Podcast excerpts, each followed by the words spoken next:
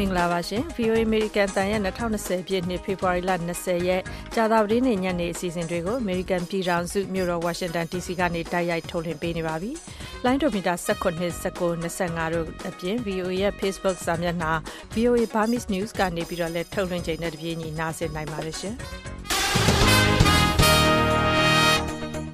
ကျွန်မခွာညိုပါခုညနေခင်းစီစဉ်တွေတာဝန်ယူပါမယ်ရှင်မင်္ဂလာညနေခင်းပါခင်ဗျာဒီကနေ့ညနေပဲသတင်းတွေကိုမဆုမြတ်မွန်နဲ့ကျွန်တော်ကြော်ကြော်သိမ်းပြောပြမှာပါအမေရိကန်ဒီမိုကရက်တစ်ပါတီကိုဇာပြုသမ္မတလောင်းဖြစ်ဖို့ကြိုးစားနေသူတွေရဲ့နီဗားဒါးပြည်နယ်စကားစစ်ထိုးပွဲမှာကိုယ်စားလှယ်လောင်း6ယောက်ပါဝင်ပြောဆိုပါတယ်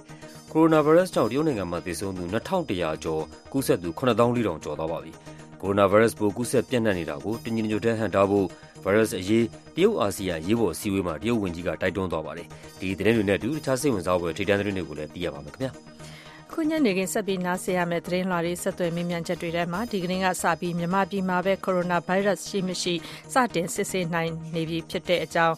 ဒီတက်ခွဲမှုဆိုင်ရာဒုတိယညွှန်ကြားရေးမှူးက VOA ကိုအခုလိုပြောပါတယ်။ ထိုင်းကိုပို့တော့ကျတော့3ရက်လောက်ကြာတယ်။အားလေကြားလို့ရှိရင်ဟိုစနေကျွေးလောက်ထားမျိုးဆိုလို့ရှိရင်သူတို့ဘက်ကမလုပ်ဘူးလေမလုပ်တဲ့အခါကျတော့အဲ့ဒါဆိုလို့ရှိရင်4ရက်လောက်ဖြစ်သွားတယ်ပေါ့နော်။မတို့မှာကျတော့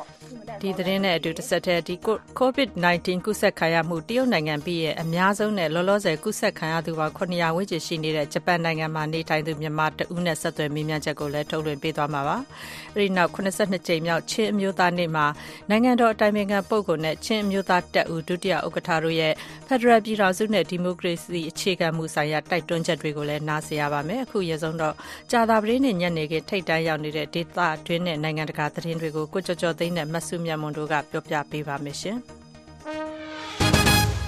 2020ပြည့်အမေရိကန်သမ္မတရွေးကောက်ပွဲမှာဒီမိုကရက်တစ်ပါတီကိုစားပြုသမ္မတလောင်းဖြစ်ဖို့ရှင်ပြိုင်မဲဆွယ်နေသူတွေရဲ့ဗိုလ်ဒူးနေညနီဗားဒါးပြည်နယ်စကားစစ်ထိုးပွဲမှာကိုယ်စားလှယ်လောင်း6ဦးကြားတယောက်ပေါ်တယောက်အခြေတင်ထိုးနှက်ဝေဖန်ခဲ့ကြပါတယ်။အဲဒီထဲမှာမှနယူးယောက်မြို့တော်ဝန်ဟောင်း Mike Bloomberg ကို ကျန်တဲ့သမ္မတကိုယ်စားလှယ်လောင်းတွေ အဓိက ဝေဖန်ထိုးနှက်ကြတာပါ။အခု စကားစစ်ထိုးပွဲဟာ မစ္စတာ Bloomberg ပထမဆုံးပါဝင်တဲ့ စကားစစ်ထိုးပွဲလည်း ဖြစ်ပါတယ်။ကမ္ဘာပေါ်က အချမ်းသာဆုံး လူပုဂ္ဂိုလ်တွေထဲ နံပါတ် ၁၂ အဆင့်မှာရှိတဲ့ မြို့တော်ဝန်ဟောင်း Bloomberg ဟာ မဲဆွယ်စည်းရုံးရေးအတွက် သူ့ကိုယ်ပိုင်ငွေထဲကနေ ရန်ပုံငွေ ဒေါ်လာ သန်း ၄၀၀ နီးပါး သုံးစွဲထားပြီးတော့ ဒီမိုကရက်တစ်ပါတီကိုယ်စားပြု သမ္မတလောင်းဖြစ်အောင် ငွေနဲ့ဝယ်ယူနေတယ်လို့ အထက်လွှတ်တော်အမတ်တွေဖြစ်ကြတဲ့ Bernie Sanders နဲ့ Amy Klobuchar တို့က ဝေဖန် ထိုးနှက်ကြပါတယ်။မစ္စတာ Bloomberg က သူဟာ သမ္မတထရမ့်ပ်လို အမွေရလို့ ချမ်းသာလာတာမဟုတ်ဘဲ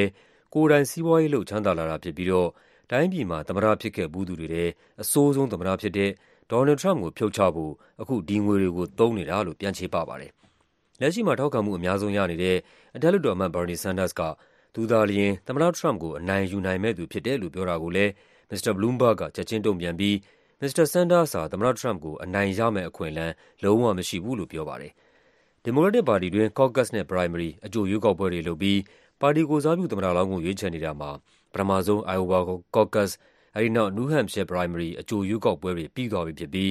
Nevada Caucus ကို ဖေဖော်ဝါရီလ ၂၂ ရက် စနေနေ့မှာ လုပ်ဖို့ရှိပါတယ်။အဲဒီနောက် တပတ်အကြာ ဖေဖော်ဝါရီလ ၂၅ ရက်နေ့မှာ တောင်ကာရိုလိုင်းနားပြည်နယ် Primary ရွေးကောက်ပွဲလုပ်မှာဖြစ်ပါတယ်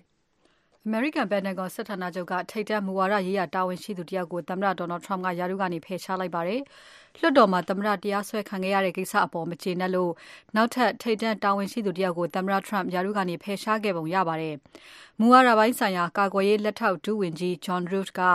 ယူကရိန်းနိုင်ငံရဲ့အဂတိလိုက်စားမှုတိုက်ဖျက်ရေးပိုင်းမှာလုံလောက်တဲ့တိုးတက်မှုတွေရှိနေတဲ့အတွက်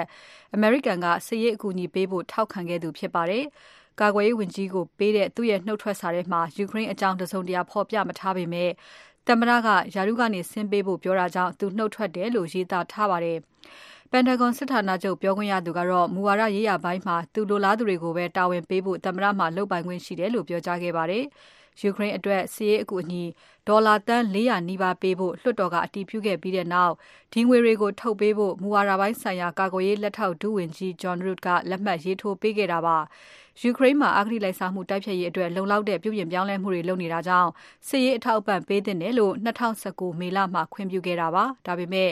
ယူကရိန်းမှာအဂတိလိုက်စားမှုပိုင်းစိုးရိမ်မှုတွေရှိနေတာကြောင့်စစ်ရေးအကူအညီတွေကိုဆိုင်းထားခဲ့ရတယ်လို့အိမ်ဖြူတော်ကအခိုင်အမာပြောနေတာအနေနဲ့ကွဲလွဲနေပါတယ်။ဒုသမ္မတဟောင်း Joe Biden နဲ့သူ့သားအပေါ်အဂတိလိုက်စားမှုနဲ့စုံစမ်းစစ်ဆေးပေးဖို့ယူကရိန်းသမ္မတအပေါ်သမ္မတ Trump ကဖိအားပေးတဲ့အနေနဲ့စစ်ရေးအထောက်အပံ့တွေမပေးဘဲဆိုင်းထားခဲ့တာဟာအာဏာအလွဲသုံးစားလုပ်တာဆိုပြီးအောက်လွှတ်တော်ကသမ္မတ Trump ကိုတရားစွဲခဲ့တာဖြစ်ပါတယ်။ဒါပေမဲ့ Republican အမတ်တွေလွှမ်းမိုးထားတဲ့အထက်လွှတ်တော်တရားခွင်ကတော့သမ္မတမှာအပြစ်မရှိဘူးလို့ဆုံးဖြတ်ခဲ့ပါတယ်။ ဒီမိုကရက်တစ်ပါတီက သမ္မတကိုယ်စားလှယ်လောင်းတွေ Nevada ပြည်နယ်မှာ အခြေအတင် စကားစစ်ထိုးကြတဲ့နေ့မှာပဲ သမ္မတ Donald Trump က Arizona ပြည်နယ်မှာ မဲဆွယ်စည်းရုံးပွဲလုပ်ပြီး ပြိုင်ဘက် ဒီမိုကရက်တွေကို ထိုးနှက် တိုက်ခိုက်ပါတယ်။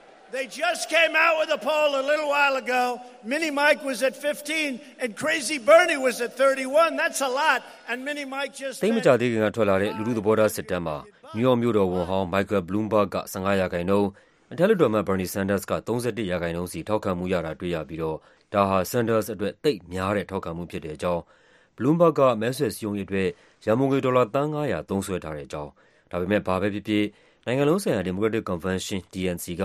Bernie Sanders ရှုံးအောင် ထပ်လုပ်ဦးမှာပဲလို့ သမ္မတ Trump ကပြောပါတယ်။သူ့အနေနဲ့တော့ ဒီမိုကရက်တစ်သမ္မတလောင်း ဘယ်သူပဲဖြစ်လာဖြစ်လာ သူပဲအနိုင်ရမှာဖြစ်တာကြောင့် ဂရုမစိုက်တဲ့အကြောင်းလည်း သမ္မတ Trump ကဆိုပါတယ်။မစ္စတာ Mike Bloomberg ကို Mini Mike ၊ မစ္စတာ Bernie Sanders ကို Crazy Bernie ဆိုပြီးတော့လည်း သမ္မတ Trump ကလှောင်ပြောင် ခေါ်ဆိုပါတယ်။ဒါ့အပြင် မက်ဆာချူးဆက်ပြည်နယ် အထက်လွှတ်တော်အမတ် Elizabeth Warren ရဲ့ မဲဆွယ်စည်းရုံးရေးဟာလည်း ရှေ့မရောက်တော့ဘူးဆိုပြီး သမ္မတ Trump ကဝေဖန် တိုက်ခိုက်သွားပါတယ်။အမေရိကန် အမျိုးသားထောက်လှမ်းရေးဌာန အကြီးအကဲအဖြစ် သူ့အပေါ် အမာခံထောက်ခံတဲ့ လက်ရှိ ဂျာမနီဆိုင်ရာ သံအမတ်ကြီး Richard Grenell ကို သမ္မတ Donald Trump က ရွေးချယ်လိုက်ပါတယ်။ Twitter ပေါ်မှာ သမ္မတက အသိပေးရေးသားတာမှာ Rick ဟာ အမေရိကန်ကိုယ်စား တာဝန်ကျေပွန်စွာ ထမ်းဆောင်ခဲ့တယ်လို့ ဆိုပါတယ်။ အမျိုးသားထောက်လှမ်းရေးယာယီညွှန်မှူးရာထူးဖြစ်တဲ့အတွက်သူ့ကိုခန့်အပ်တာနဲ့ပတ်သက်လို့အထက်လွှတ်တော်ရဲ့အတည်ပြုချက်မလိုအပ်ပါဘူး။လက်ရှိဂျာမနီသံအမတ်တာဝန်ကိုဆက်လက်ထမ်းဆောင်မယ့်တချိန်ထဲမှာထောက်လှမ်းရေးဌာနယာယီညွှန်မှူးတာဝန်ကိုလည်းထမ်းဆောင်မှာဖြစ်တယ်ဆိုတာကိုအစိုးရတာဝန်ရှိသူတယောက်က VOA ကိုအတည်ပြုပါတယ်။ Richard Grenell ဟာသမ္မတဟောင်း George W. Bush လက်ထက်မှာကုလသမဂ္ဂဆိုင်ရာအမေရိကန်သံအမတ်ကြီးတာဝန်ကိုထမ်းဆောင်ခဲ့သလိုသတင်းစာကော်လမ်စာနဲ့ရုပ်သံသတင်းတွေမှာသုံးသပ်သူအဖြစ်လည်းလုပ်ကိုင်ခဲ့ပါတယ်။ ထောက်လှမ်းရေးလုပ်ငန်းတွေနဲ့ပတ်သက်လို့တိုက်ရိုက်အတွေ့အကြုံမရှိပေမဲ့သူဟာသမ္မတ Trump နဲ့သမ္မတရဲ့မူဝါဒတွေကိုလေးလေးနက်နက်ထောက်ခံသူအဖြစ်သတ်မှတ်ခံထားရသူဖြစ်ပါတယ်။သူတာဝန်ယူရမယ့်အမျိုးသားထောက်လှမ်းရေးဌာနဟာအမေရိကန်ပြည်ထောင်စုထဲကထောက်လှမ်းရေးအသိုင်းအဝိုင်းတခုလုံးကိုကြီးကြပ်ရတာဖြစ်သလိုပြည်တွင်းလုံခြုံရေးဌာနညွှန်ကြားရေးမှူးနဲ့အနီးကပ်လုပ်ကိုင်ဆောင်ရွက်ရတဲ့ဌာနဖြစ်ပါတယ်။ Richard Grenell ဟာ Cabinet ဝန်ကြီးအဖွဲ့ထဲမှာလိင်တူချစ်သူလို့တရားဝင်ဖွင့်ပြောထားသူပထမဆုံးဖြစ်ပါလိမ့်မယ်။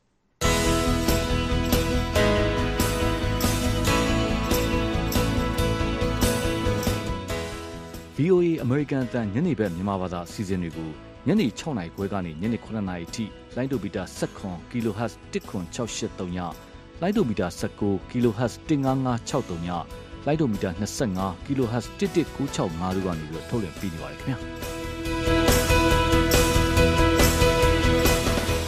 VOA ကနေကြာသပတေးညနေဘက်သတင်းတွေကိုတိုက်ရိုက်ဆက်လက်ပြောပြနေပါတယ်။တရုတ်နိုင်ငံတွင်းမှာ Coronavirus ကြောင့်သေဆုံးသူအရေအတွက်၂,၁၀၀ကျော်လာပြီး ကူးစက်သူအရေအတွက်ကလည်း တရုတ်တနိုင်ငံထဲမှာကိုပဲ ၇၄,၀၀၀ ကျော် ရှိလာပြီးတဲ့နောက် နောက်ထပ် ကူးစက်သူအရေအတွက် ပထမဆုံးအကြိမ်အဖြစ် အများဆုံး ကျဆင်းသွားတယ်လို့ တရုတ် ကျန်းမာရေးတာဝန်ရှိသူတွေက ပြောပါတယ်။ COVID-19 ဗိုင်းရပ်စ် ကူးစက်သူအရေအတွက်ဟာ ဗုဒ္ဓဟူးနေ့က ၃၉၄ ယောက်ပဲ ရှိခဲ့တယ်လို့ တရုတ်ကျန်းမာရေးကော်မရှင်က ပြောတာပါ။ဒါကြောင့် အင်္ဂါနေ့က ၁,၇၄၉ ယောက် ထပ်ပြီး ကူးစက်ခဲ့တဲ့ အရေအတွက်နဲ့ နှိုင်းယှဉ်ရင် ပထမဆုံးအကြိမ်အဖြစ် အရေအတွက် အများဆုံး ကျဆင်းသွားတာလို့ ဆိုပါတယ်။ ဟူဘေးပြည်နယ်၊ဝူးဟန်မြို့ကနေ ပြီးခဲ့တဲ့နှစ် ဒီဇင်ဘာလမှာ စပြီး ကူးစက်ပျံ့နှံ့ခဲ့တဲ့ Coronavirus ကို ထိန်းချုပ်ဖို့ တရုတ်အာဏာပိုင်တွေ အပြင်းအထန် ကြိုးစားနေရဆဲပါ။ဟူဘေးပြည်နယ် အဝင်အထွက်တွေကို ပိတ်ထားပြီး ဝူးဟန်နဲ့ တခြားမြို့ကြီးအတော်များများကြား သယ်ယူပို့ဆောင်ရေး အားလုံးနီးပါးကို ရပ်ထားပါတယ်။တခြားနိုင်ငံပေါင်း ၂၉ နိုင်ငံမှာ ရောဂါပိုး ကူးစက်ခံထားရသူပေါင်းက ၆၂၀ ကျော်ရှိပြီး သေဆုံးသူ ၁၁ ဦးထက်မနည်း ရှိသွားပါပြီ။အခုနောက်ဆုံး သေဆုံးသူတွေထဲမှာ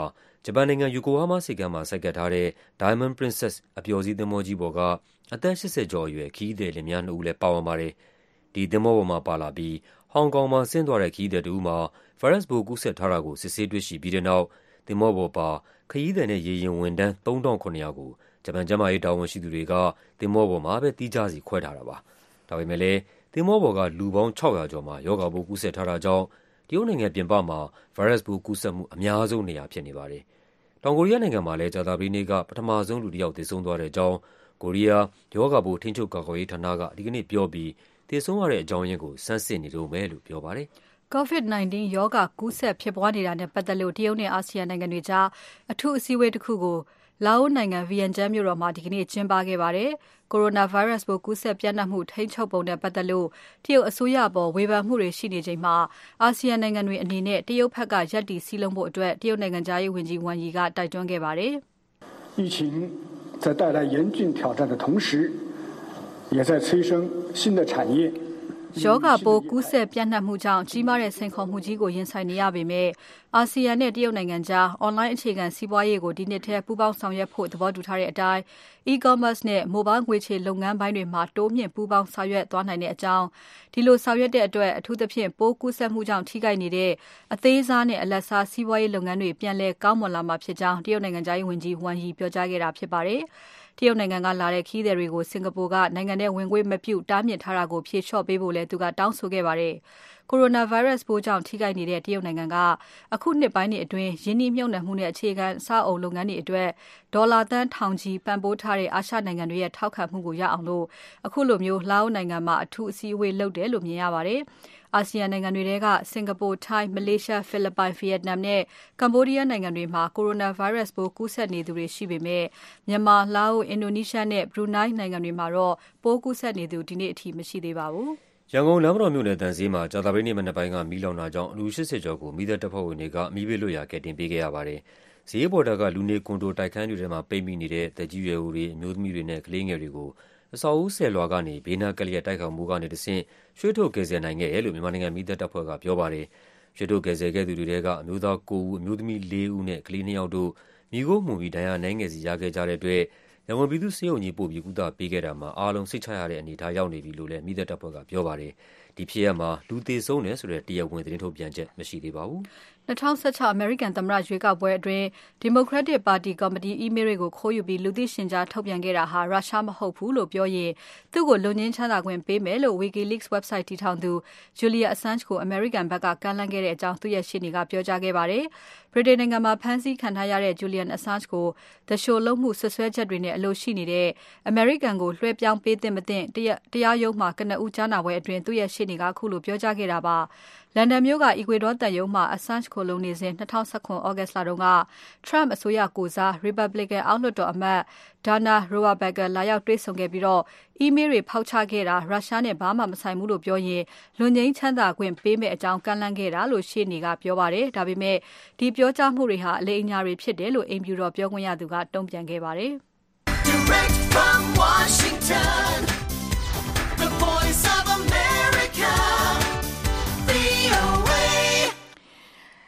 ကြာသပတေးနေ့ညနေခင်း ထိပ်တန်းရောက်နေတဲ့ ဒေသတွေနဲ့ နိုင်ငံတကာ သတင်းတွေကို ကိုကျော်ကျော်သိန်းနဲ့ မစုမြတ်မွန်တို့ ပြောပြပေးသွားတာပါရှင်။ခု သတင်းလွှာတွေ ဆက်သွယ်မေးမြန်းချက်တွေစက်တိုက် နားဆင်ရပါမယ်။ COVID-19 ရောဂါရှိမရှိ ဒီကနေ့ကစပြီး မြန်မာနိုင်ငံထဲမှာပဲ စတင်စစ်ဆေး အတည်ပြုနိုင်ပြီဖြစ်ပြီး ဓာတ်ခွဲနမူနာတွေကို ထိုင်းနိုင်ငံက ရည်ညွှန်းဓာတ်ခွဲခန်းဆီ ပို့စရာမလိုတော့ဘူးလို့ ရန်ကုန် အမျိုးသားကျန်းမာရေး ဓာတ်ခွဲမှုဆိုင်ရာ NHL တာဝန်ရှိသူက ပြောပါတယ်။မြန်မာနိုင်ငံက အခုလက်ရှိ စောင့်ကြည့်လူနာ3ဦးရဲ့ ဓာတ်ခွဲနမူနာတွေကို ဒီကနေ့ NHL ကို ပို့ပြီး စစ်ဆေးမယ်လို့လည်း ဗဟိုကူးစက်ရောဂါ တိုက်ဖျက်ရေးဌာန တာဝန်ရှိသူက ပြောပါတယ်။အပြည့်အစုံကို VOA မြန်မာပိုင်းသတင်းတောက် စုစုက ပြောပြသွားမှာပါရှင်။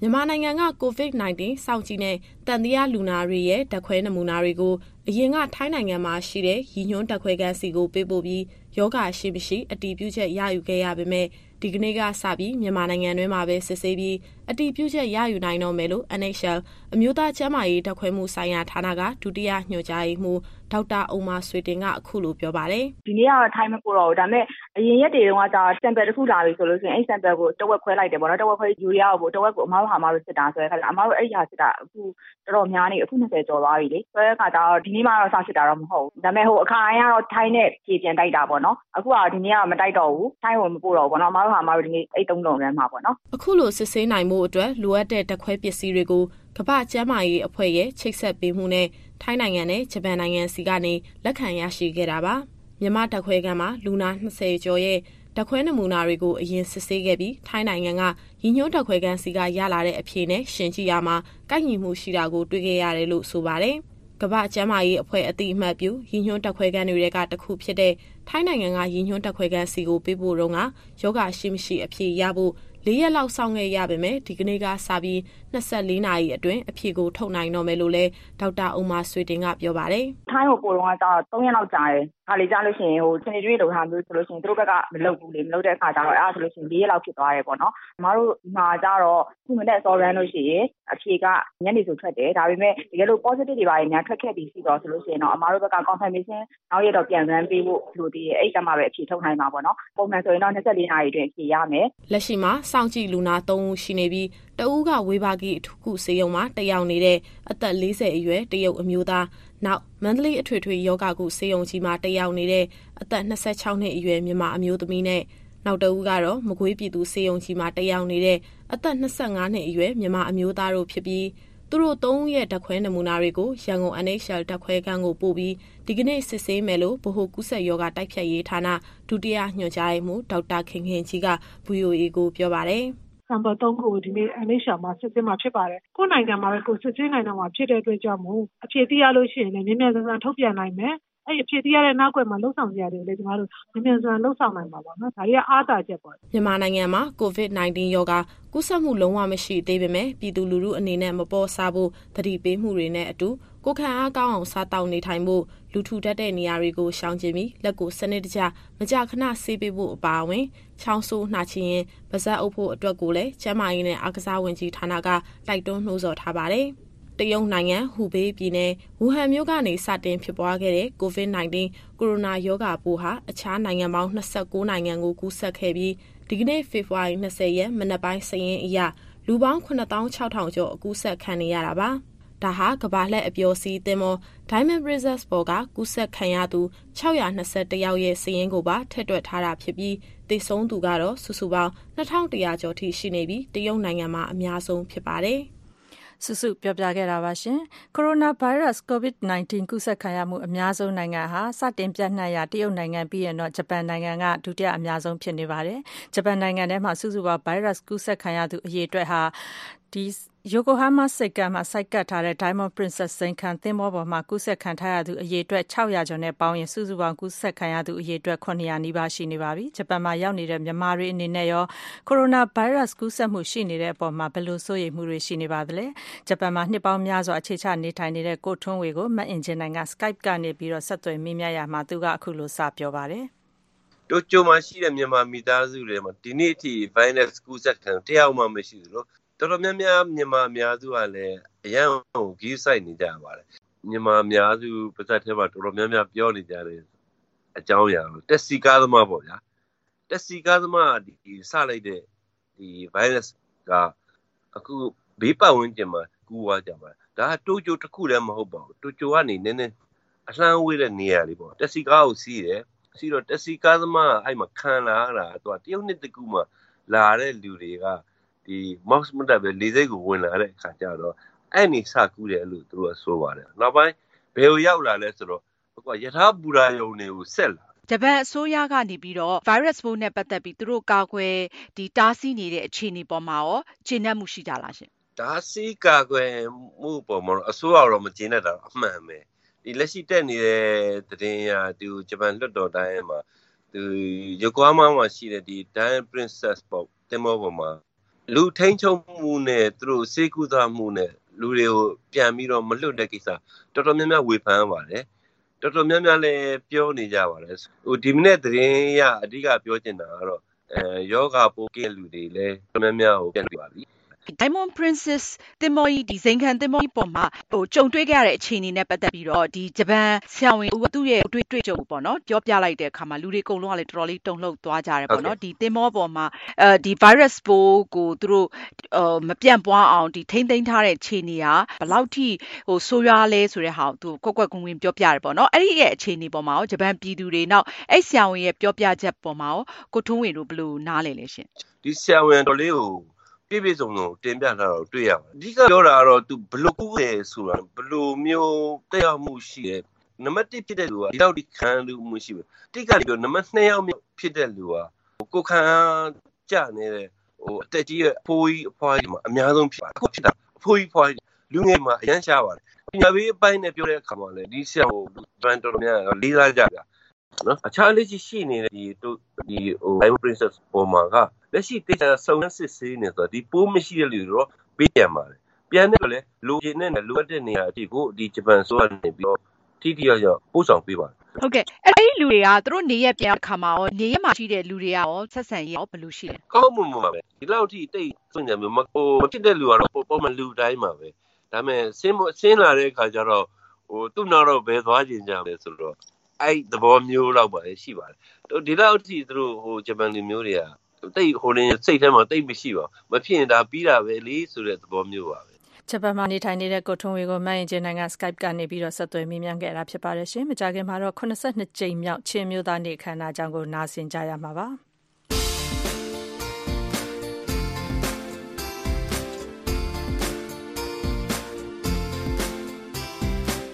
မြန်မာပိုင်းရုပ်မြင်သံကြားအစီအစဉ်တွေကိုပြည်ရင်းမြစည်းမရုပ်မြင်သံကြားလိုင်းမှာကြည့်ရှုနိုင်ပါတယ်။နေ့စဉ်မနေ့၈နာရီကနေ၈နာရီ15အထိ15မိနစ်စာထုတ်လွှင့်ပေးနေတာပါ။တင်းနှင်းလာနေမှာဘ ഹു တုတပညာပေးနဲ့ရသဆောင်တဲ့အစီအစဉ်တွေကိုတင်ဆက်ပေးနေပြီးအင်္ဂါကနေပြီးတော့တောက်ကြအထိအစီအစဉ်တွေမှာတော့နောက်ဆုံးရကမ္ဘာသတင်းတွေဖျော်ဖြေရေးသတင်းတွေနဲ့ပြည်ရင်းစည်းကွက်သတင်းတွေကိုတင်ဆက်ပေးနေပါတယ်။ဒီအစီအစဉ်တွေကိုမြစည်းမရဲ့ Facebook စာမျက်နှာမှာလည်းကြည့်ရှုလို့ရပါတယ်။ VOA အစီအစဉ်တွေနဲ့ပတ်သက်လို့အကြံပြုခြင်းနဲ့ဆိုရင်တော့ VOA မြန်မာပိုင်း Facebook Messenger ကနေစာရေးအကြံပြုနိုင်ပါတယ်ရှင်။ VOA ကိုအားပေးတဲ့အတွက်အထူးကျေးဇူးတင်ပါတယ်။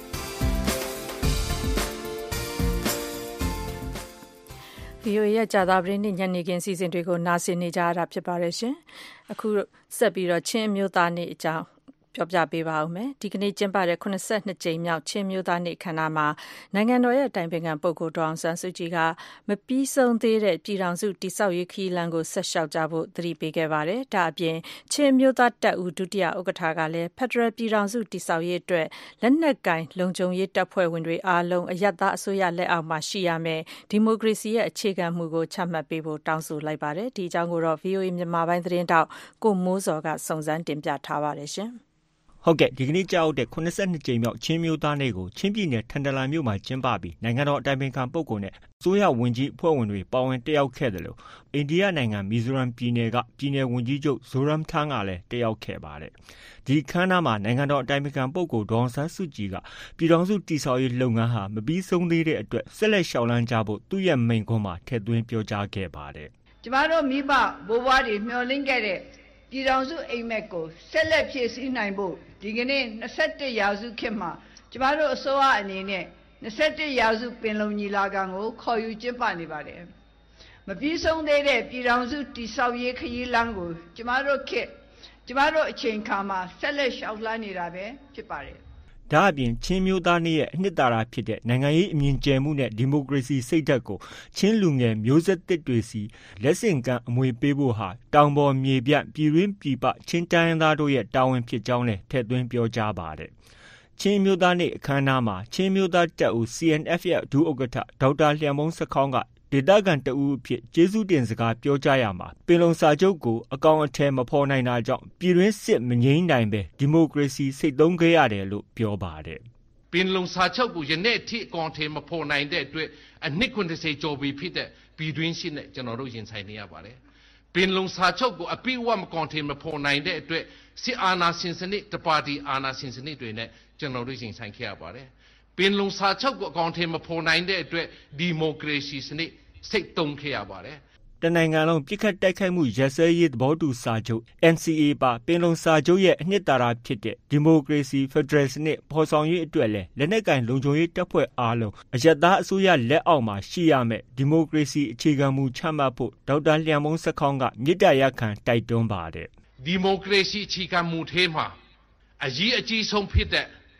လုံခြုံရေးတပ်ဖွဲ့အားလုံးဒီ အယက်သားအစိုးရလက်အောက်မှာထားရမယ်ဆိုတဲ့ဒီမိုကရေစီအခြေခံမှုကြီးချက်မှတ်နိုင်မယ်ဆိုရင်ကျွန်တော်တို့ငင်းချင်ဖြစ်ရှင်ကြီးရလေအောင်မြင်မှာတေချတယ်ဆိုတာကျွန်တော်ပြောချင်ပါတယ်ဒီအခြေခံမူကိုမရရင်လုံခြုံရေးဆိုင်ရာပြန်လည်ပေါင်းစည်းရေးဟာမဖြစ်နိုင်တယ်လို့လုံခြုံရေးဆိုင်ရာပြန်လည်ပေါင်းစည်းရေးမဖြစ်နိုင်ရင်ပြည်တွင်းစစ်ကိုချုပ်ငိမ့်နိုင်မှာမဟုတ်ကြောင်းလည်းထောက်ပြပါတယ်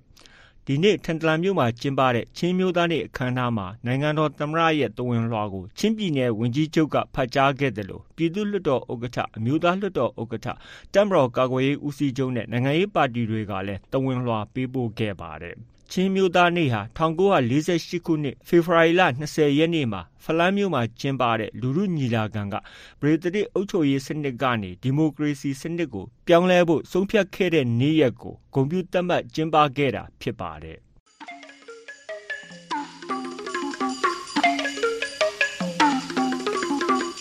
အခုလက်ရှိအဂိလိုက်စားမှုတိုက်ဖျက်ရေးကော်မရှင်ကိုဖွဲ့စည်းတာဝန်ပေးခဲ့တာတိတ်မကြခင်ရက်ပိုင်းအတွင်း6နှစ်တင်တင်ပြည့်တော့မှာဖြစ်ပါတယ်။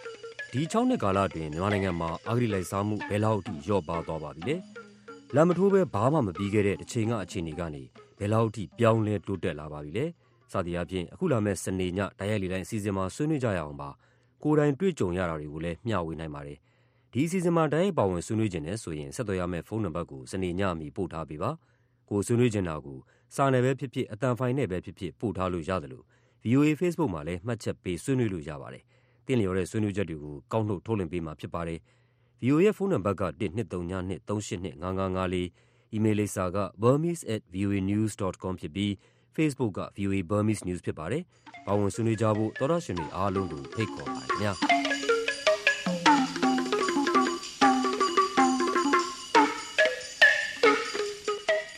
လာမယ့် စနေည တိုက်ရိုက်လေးလိုက်မှာ ပါဝင်ဆွေးနွေးလို့ရင်အ ချိန်မီဆက်သွယ်ကြဖို့ထပ်ပြီးတော့ဖိတ်ခေါ်ပါရရှင်။ကြာသာပတေးနေ့ညနေဘက် VOA စီစဉ်တွေကိုအမေရိကန်ပြည်ထောင်စုမြို့တော်ဝါရှင်တန် DC ကနေတိုက်ရိုက်ထုတ်လွှင့်ပေးနေတာဖြစ်ပါတယ်။နောက်နှစ်နာရီကြာမှထုတ်လွှင့်ပေးမယ့်ညပိုင်းစီစဉ်တွေမှာတော့ဦးအောင်ခင်ရဲ့မြန်မာရေးသုံးသက်ချက်ကျမရေးနဲ့တိုင်းရင်းသတင်းလွှာအစီအစဉ်တွေနားဆင်ကြရဖို့ရှိပါတယ်။လိုင်းဒိုမီတာ19 kHz 15453ညလိုင်းဒိုမီတာ25 kHz 11883ညလိုင်းဒိုမီတာ32 kHz 9335နဲ့ပထမနိုင်ဝက်မှာလိုင်းလက်မီတာ190 kHz 15ခွန်တို့ကနေနားဆင်နိုင်ပါတယ်ရှင်။အခုကြာသာပတေးနေ့ညနေခင်းထိတ်တန်းရောက်နေတဲ့သတင်းကျဉ်းချုပ်ကိုကိုကျော်ကျော်သိန်းကပြောပြပေးပါဦးမယ်ရှင်။2020ပြည့်အမေရိကန်သမ္မတရွေးကောက်ပွဲမှာဒီမိုကရက်တစ်ပါတီကိုစားပြုသမ္မတလောင်းဖြစ်ဖို့ရှင်ပြိုင်မဲဆွယ်နေသူတွေရဲ့ဗုဒ္ဓဟူးနေ့ညနီဗားဒါးပြည်နယ်စကားစစ်ထိုးပွဲမှာကိုယ်စားလှယ်လောင်း6ဦးကြားတယောက်ပေါ်တယောက်အခြေအနေထိုးအခြေတင်ထိုးနှက်ဝေဖန်ကြပါတယ်။အဲဒီထဲမှာမှ နယူးယောက်မြို့တော်ဝန်ဟောင်း Michael Bloomberg ကို ကျန်တဲ့ သမ္မတကိုယ်စားလှယ်လောင်းတွေ အဓိက ဝေဖန် ထိုးနှက်ကြတာပါ။အခုစကားစစ်ထိုးပွဲဟာ Mr. Bloomberg ပထမဆုံးပါဝင်တဲ့ စကားစစ်ထိုးပွဲလည်း ဖြစ်ပါတယ်။တရုတ်နိုင်ငံတွင်းမှာ COVID-19 ရောဂါကြောင့် သေဆုံးသူအရေအတွက် ၂,၁၀၀ ကျော်လာပြီး ကူးစက်သူအရေအတွက်ကလည်း တရုတ်တနိုင်ငံထဲမှာကိုပဲ ၇၄,၀၀၀ ကျော် ရှိလာပြီးတဲ့နောက် နောက်ထပ် ကူးစက်သူအရေအတွက် ပထမဆုံးအကြိမ်အဖြစ် ကျဆင်းသွားတယ်လို့ တရုတ် ကျန်းမာရေးတာဝန်ရှိသူတွေက ပြောပါတယ်။ကိုရိုနာဗိုင်းရပ်စ်ပိုး ကူးစက်သူအရေအတွက်ဟာ ဗုဒ္ဓဟူးနေ့က ၃၉၄ ယောက်ပဲ ရှိခဲ့တယ်လို့ တရုတ် ကျန်းမာရေးကော်မရှင်က ပြောပါတယ်။ဒါကြောင့် အင်္ဂါနေ့က ၁,၇၄၉ ယောက် ထပ်ပြီး ကူးစက်ခဲ့တဲ့ အရေအတွက်နဲ့ နှိုင်းယှဉ်ရင် ပထမဆုံးအကြိမ် အရေအတွက် အများဆုံး ကျဆင်းသွားတာပါ။ COVID-19 ရောဂါ ကူးစက်ဖြစ်ပွားနေတာနဲ့ ပတ်သက်လို့ တရုတ်နဲ့ အာဆီယံနိုင်ငံတွေကြား အထူးအစည်းအဝေးတခုကို လာအိုနိုင်ငံ၊ဗီယန်ကျန်းမြို့တော်မှာ ဒီကနေ့ ကျင်းပပါတယ်။ ကိုရိုနာဗိုင်းရပ်စ်ပိုး ကူးစက်ပျံ့နှံ့မှု ထိန်းချုပ်ပုံနဲ့ပတ်သက်လို့ တရုတ်အစိုးရအပေါ် ဝေဖန်မှုတွေ ရှိနေချိန်မှာပဲ အာဆီယံနိုင်ငံတွေအနေနဲ့ တရုတ်ဘက်က ရပ်တည်စည်းလုံးဖို့ တရုတ်နိုင်ငံခြားရေးဝန်ကြီး Wang Yi က အစည်းအဝေးအတွင်း တိုက်တွန်းသွားပါတယ်။ရန်ကုန်၊လသာမြို့နယ် သံဈေးမှာ ကြာသပတေးနေ့မနက်ပိုင်းက မီးလောင်တာကြောင့် လူ ၈၀ ကျော်ကို မီးသတ်တပ်ဖွဲ့ဝင်တွေက မီးဘေးလွတ်ရာ ကယ်တင်ပေးခဲ့ရပါတယ်။ဈေးပေါ်ထပ်က လူနေကွန်ဒို တိုက်ခန်းတွေထဲမှာ ပိတ်မိနေတဲ့ သက်ကြီးရွယ်အိုတွေ၊အမျိုးသမီးတွေနဲ့ ကလေးငယ်တွေကို အဆောက်အဦးဆယ်လွှာကနေ ဘေးနားကပ်လျက် တိုက်ခေါ်မှုကနေတဆင့် ရွှေ့ထုတ် ကယ်ဆယ်နိုင်ခဲ့တယ်လို့ မြန်မာနိုင်ငံမီးသတ်တပ်ဖွဲ့က ပြောပါတယ်ခင်ဗျာ။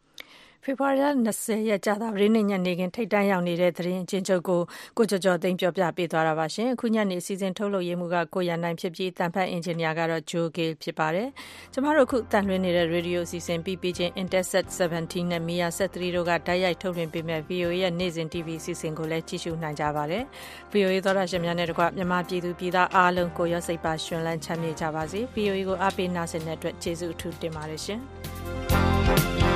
။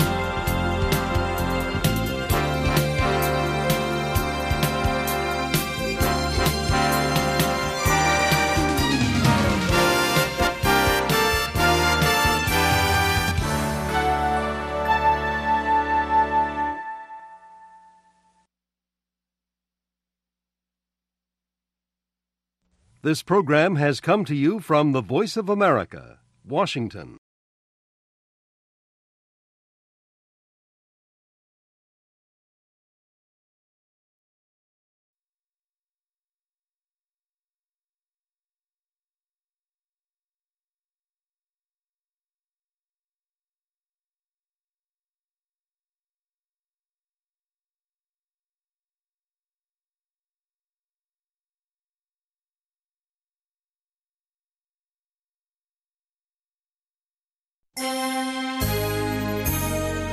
From Washington, this is VOA.